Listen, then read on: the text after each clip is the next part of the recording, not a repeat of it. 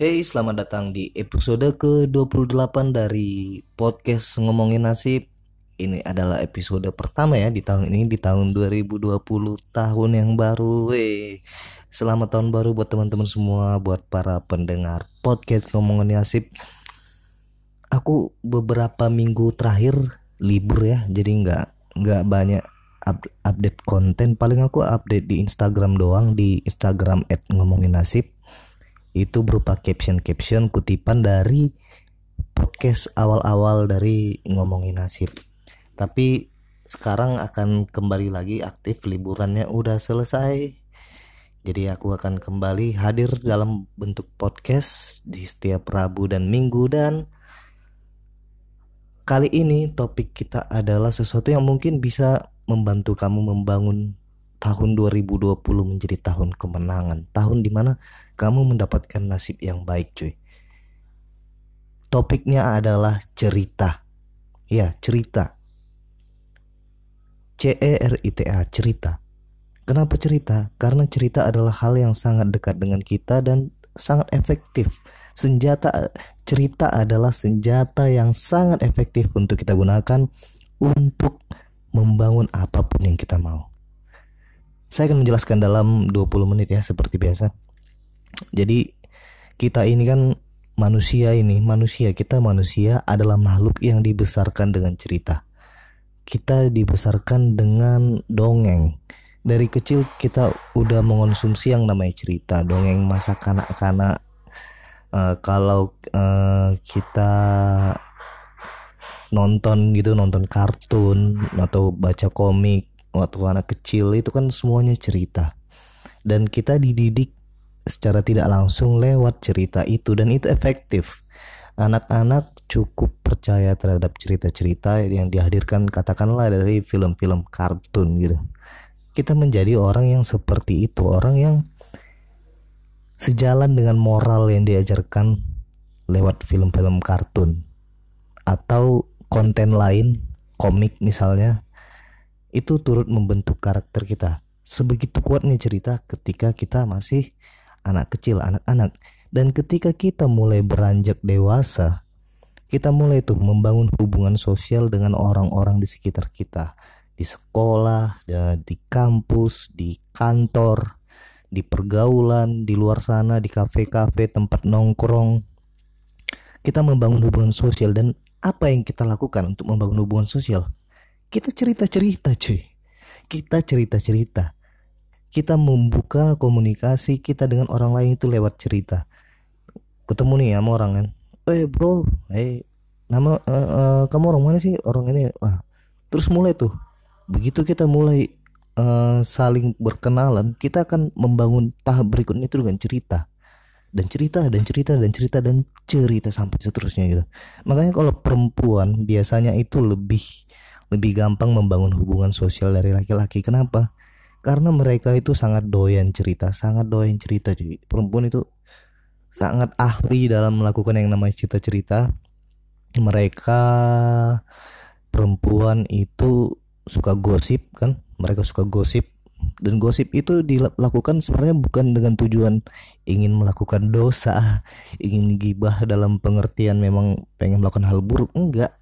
Simply because they like to tell a story and hear a story, listen to a story. Sebenarnya mereka itu cinta sama cerita, bukan pada uh, keburukan yang ditawarkan oleh gosip. Tapi memang mau nggak mau mereka bahas keburukan orang lain. Tapi mereka juga turut menceritakan hal positif kok. Bagaimana uh, mempertahankan diri ke depannya survival gitu sebagai seorang perempuan berkarir misalnya atau perempuan berpendidikan dan laki-laki juga sebenarnya melakukan hal tersebut, cuman intensitasnya itu tidak seperti perempuan. Kita kan cenderung kompetitif, cenderung hmm, apa ya kurang ya kurang suka lah. Kita cenderung melihat eh, orang-orang uh, itu kalau laki-laki cenderung main game misalnya. Itu kan kita kompetitif, kompetitif, kompetisi. Kita bertarung dengan teman kita sendiri. Dan kita bertarung untuk mengikuti cerita yang ditawarkan oleh developer gamenya, pembuat gamenya gitu. kita ngikutin alur cerita yang ada di game itu. Jadi tetap berlandaskan cerita hubungan sosial yang kita bangun dengan orang lain. Dan cerita juga berfungsi sebenarnya untuk membangun hal yang lebih besar dari hubungan sosial. Yaitu apa apa yang lebih besar dari hubungan sosial? Keyakinan cuy. Sistem kepercayaan. Agama. Agama itu dibangun dengan pondasi cerita. Kitab suci yang kita baca, kitab suci yang kita yakini, kitab suci yang diajarkan oleh pemuka agama di masjid, di gereja, di viara, di kuil. Itu semua berisi cerita. Cerita tentang eh, orang-orang hebat gitu. Apakah itu nabi atau dewa dewi atau uh, Tuhan yang menjelma menjadi manusia, itu semua isinya cerita Sebegitu hebatnya cerita bisa mempengaruhi orang. Itu bukan hasil riset, bukan kayak kayak itu skripsi atau tesis yang mana isinya adalah kalimat logis. Kalimat logis berisi data-data hasil riset bukan. Kitab suci isinya cerita yang kita percaya. Kita uh, iman kita, keyakinan kita dibangun berdasarkan cerita itu dan kita tidak bisa mengubahnya. Cerita itu cerita itu sangat kuat. Cerita yang tertera di kitab suci dan kita yakini sebagai wahyu yang diturunkan oleh yang maha kuasa. Sebegitu hebatnya sebuah cerita. Oleh karena itu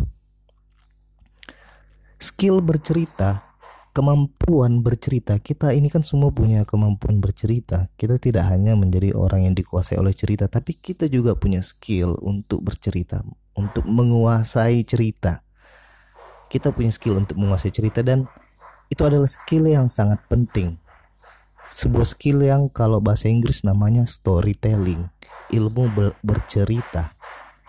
Ilmu menyampaikan sesuatu dengan narasi yang ada dramanya ada ada naik turunnya ada romantikanya. Dan storytelling itu adalah ilmu utama dalam marketing dalam pemasaran juga kalau kita jualan.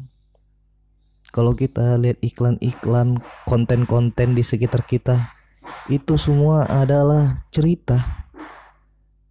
Iklan yang kita tonton misalnya kita nonton sinetron nih di TV kita buka TV nonton sinetron top top enak tuh. Terus tiba-tiba iklan ya kan? Commercial break. Iklan-iklan yang ada di situ itu ada ceritanya semua. Ada storynya. Ada storytellingnya. Kalau story yang nggak bagus dia nggak akan diterima. Uh, agensi yang bikin iklan itu nggak akan diterima oleh pemilik oleh uh, produsen produk yang diiklankan. Sejalan gitu loh. Cerita uh, cerita yang bagus itu sejalan dengan laris manisnya sebuah produk yang di dimarketkan gitu. Jadi semua konten di sekitar kita, roh utamanya adalah cerita. Kamu tanya ke semua pembuat konten yang kamu kenal, yang bisa kamu temuin, pasti mereka setuju dengan hal itu. Bahwa semua konten di sekitar kita, roh utamanya itu adalah cerita. Gak ada konten yang dibikin gak ada ceritanya.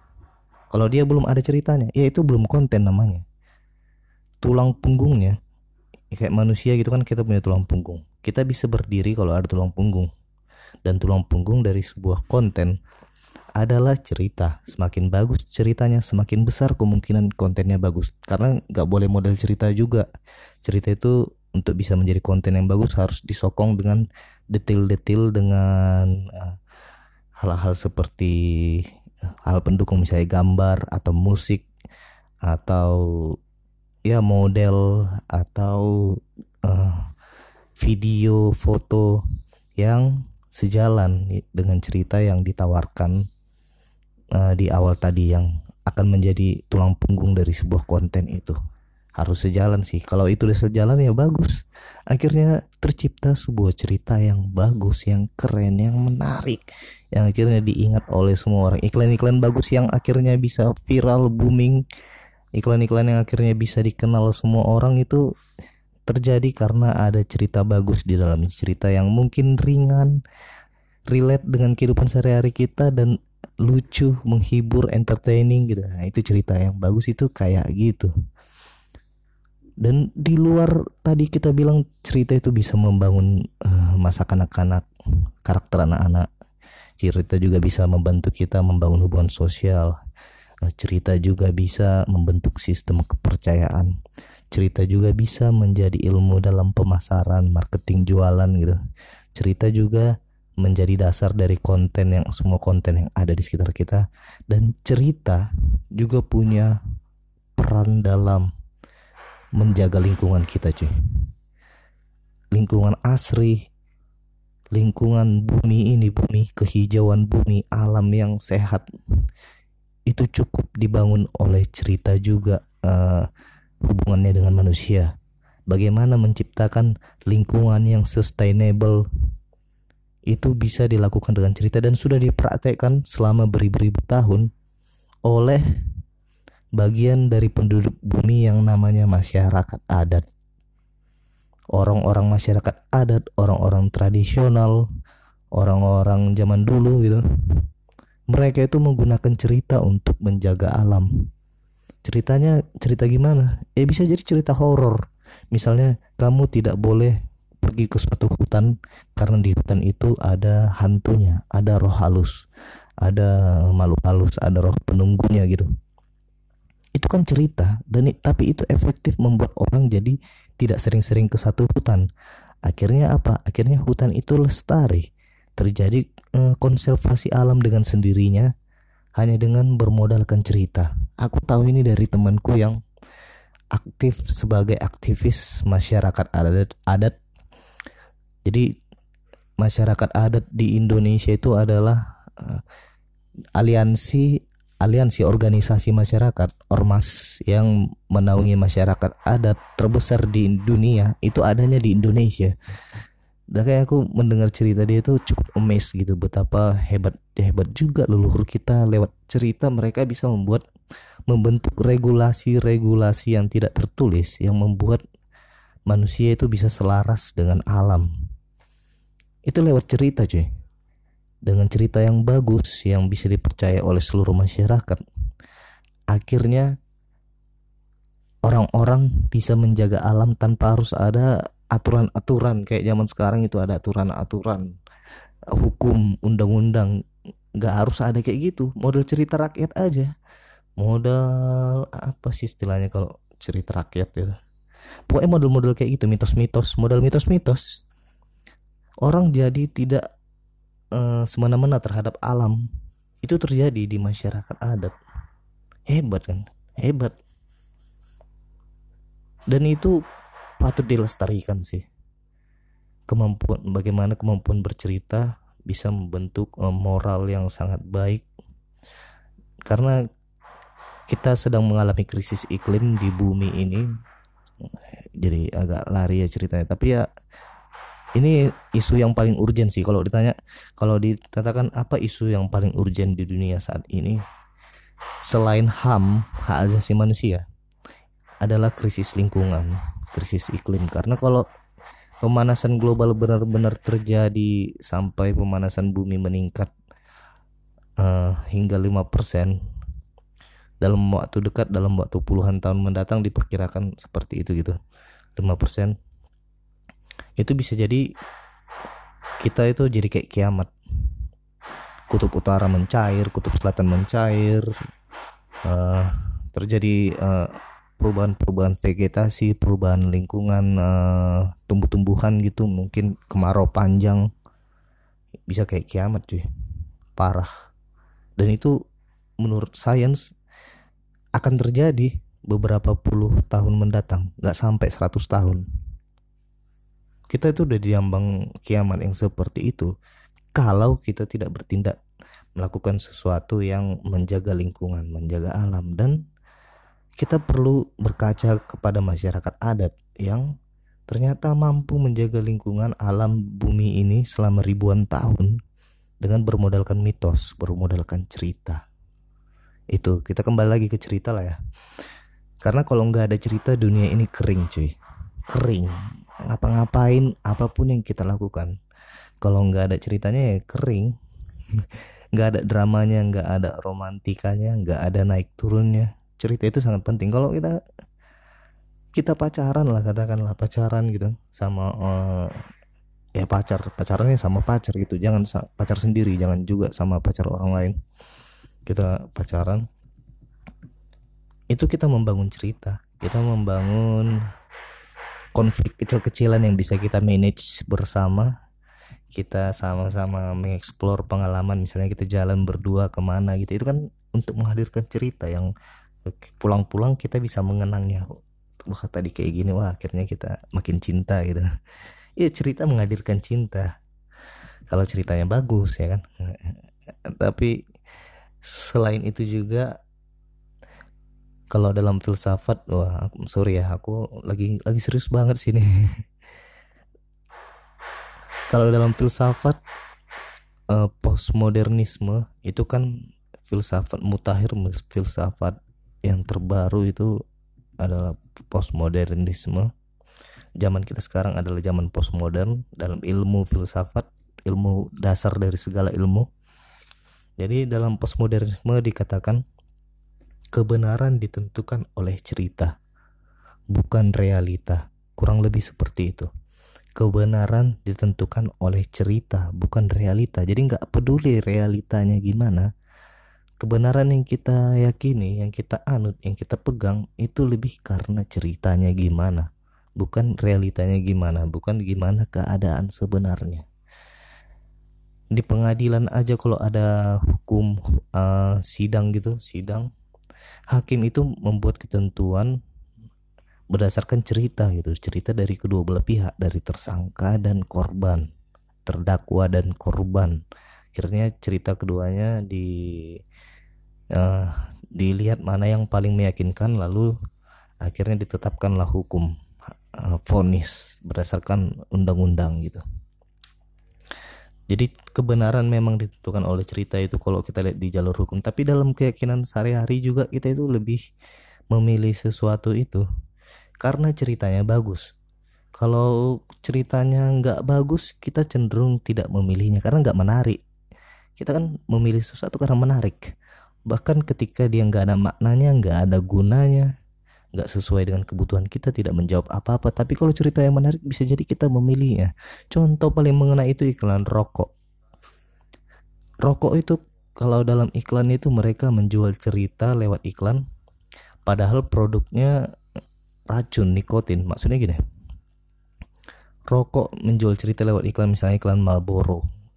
Ini salah satu iklan yang fenomenal yang sampai sekarang dipelajari oleh uh, orang-orang iklan yaitu iklan Marlboro ketika merokok itu pertama kalinya rokok mencirikan laki-laki yang naik kuda pakai topi koboi pakai kemeja ketat.